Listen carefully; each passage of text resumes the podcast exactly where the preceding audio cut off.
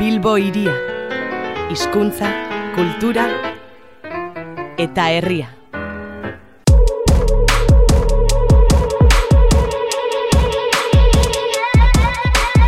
Gaur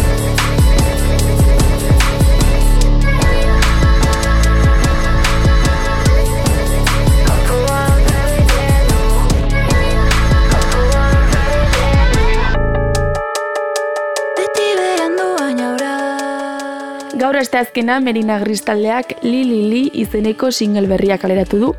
Abestia taldearen arro, aro berriaren bigarren aurrerapena da eta telefonoaren bestaldean dugu taldekidetako bat. Julen, eguerdion. Eguerdion, kaixo. E, aro berri bat dator Merina Grisen? Ba, suposatzen dut baiet, toki guztietan bezala, ez dakit, e, musika egiten ere gara, eta, bueno, ez dakit e, lan bat edo lan uste bat prestatzen da gara pixkanaka, eta ez dakit aro berria ditu dakioken horri, baina bai, gu, guretzat ba gutxienez beste, beste fase bat. E, li li li deitzen da e, orain gaur bertan kaleratu duzuen abestia, e, zer esan nahi du tituluak eta bueno, kantak ez dakit e, baduen atzetik zeo zer kontatzen duena? Bueno, bai, kantak badu, badu, badu mamia atzetik, e, ez zuten duen hor jakingo du eta antzemango du bapatean, ba, eta bere ala, ba, ba baduela hor, bueno, kontatzen, gauza kontatzen ari dela.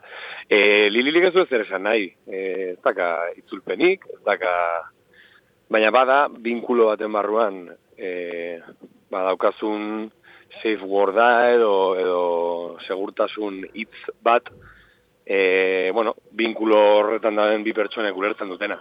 Eta ez dakizunean zer esan, ez dakizunean zerbait e, esateko duzunean, edo zerbait e, sentitzen ari zarenean, baina ez dakizunean hitzetan jartzen ba esaten duzun hori da, lilili. Eta abestiak, abestiak zer kontatzen du? Abestiak hitz egiten du, eh, baina hitz egiten du, bueno, mm, zulo baten inguruan, eta zulo horretatik sartzen zaizun hotzaren inguruan. E, gero deskubritu genula hotza ez dela existitzen berez, fizikoki. Termodinamikaren arabera, bero falta besterik ez da, baina, bueno. Ba, bero falta horren inguruan edo hitz egiten du, eta galera baten inguruan hitz egiten du. Horengoan, e, zuek egon zarete ekoizpen lanetan, nolako izan da prozesu hori? ba, guretzat ekoizpen prozesua badu gero arlo teknikoago bat, edo bat ez ere agian nien kargatzen izena horretaz, baina, baina azkenean ekoiztea erabakiak hartzea besterik ez da. Eta, eta bueno, mm, gure musikaren gainean guk hartzea erabakiak gozada bat iruditzen zaigu, ez, iruditzen zaigu ez dagoela beste modurik, e, musika egiteko gure kasuan gutxienez, eta eta bueno, horrela egin dugu besterik ez, izan kanta egiten azten garen lehenengo momentutik jaeko izten ari gara, ba, kizkigu, ba, ba, argi dakagu normalean zer nahi dugun, zer nahi dugun ez e, gauza konkretu bezala, baina bai, bueno, ba, zer nahi dugun transmititu edo, edo guretzat edo zer nahi dugun, orduan horren baitan, ba, eko izten azten gara lehenengo notatik, eta agia esan oso gustora gaude, asko ikasten ari gara ere teknikoki, eta, eta bueno, ba, experimentazio edo bilaketa horretan, ba, ba, ateratzen ari dien kantak dira eta bidean ateratzen ari garen hori da. Eta Julen, aipatu duzu zuentzako behintzat bai izango dela e, alako aro berri baten hasiera edo aro aldaketa bat, e, entzuleok zertan igarriko dugu hori?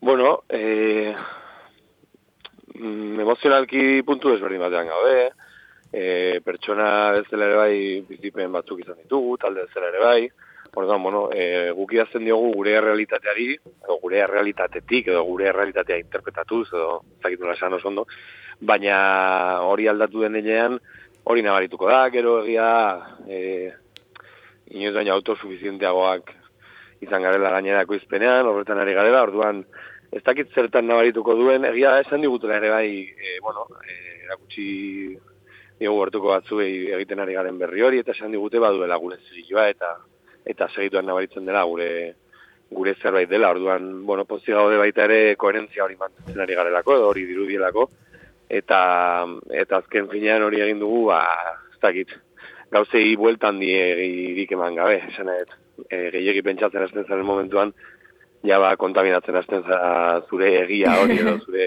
gurarekiko zintzotasun hori. Eta soinu edo erritmo aldetik egongo da aldaketaren bat edo? Mm, bai, bueno, a ver, ez dago aldaketak. Osea, horrela aldaketak kontziente edo azpimarra garri bezala, ez, eh, ez dakit, eh, bizitzan da den aldaketa txiki, milak aldaketa txiki hoiek, gure soinuan ere bai egongo dira suposatzen dut, baina ez dago horrela, osea, ez gara eseri eta esan dugu, venga, aldaketa bat eh, erama barduko aurrera, hori bai, ez, dugu lakin. E, gaur kaleratu duzu Lili, duela hilabete batzuk nadie cuando lloro, joferekin batera, aurrerantzean zer dator?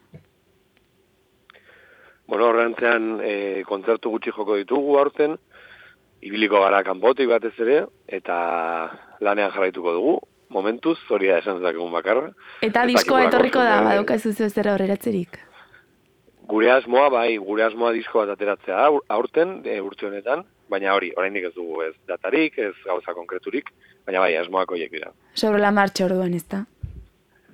Sobre la marcha daño, eh, pizkat forma gehiago hartzen dunean, eh, pues erabaki halko dugu noiz, nola eta hori.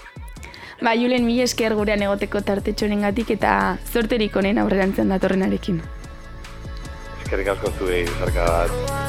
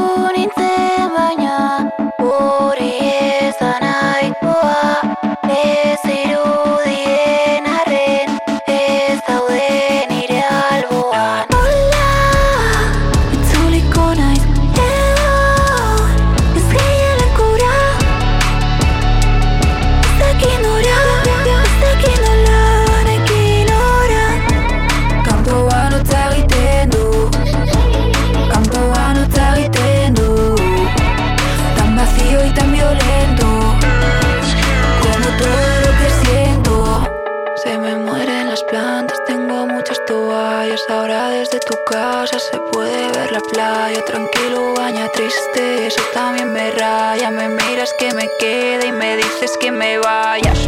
Sales con ropa nueva en el lava y ahora escucho blanco yo sola.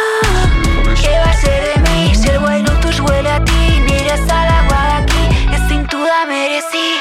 And I'm so sorry.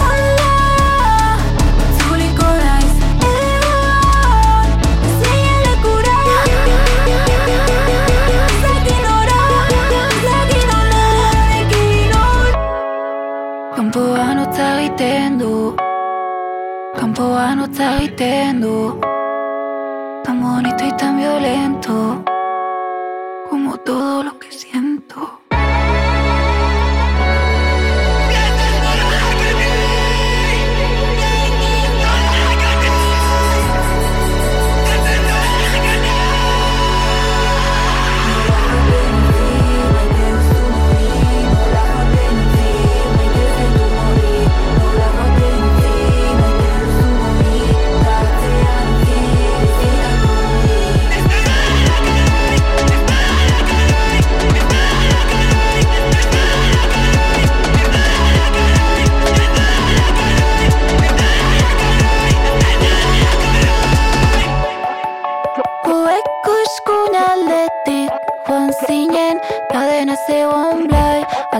one is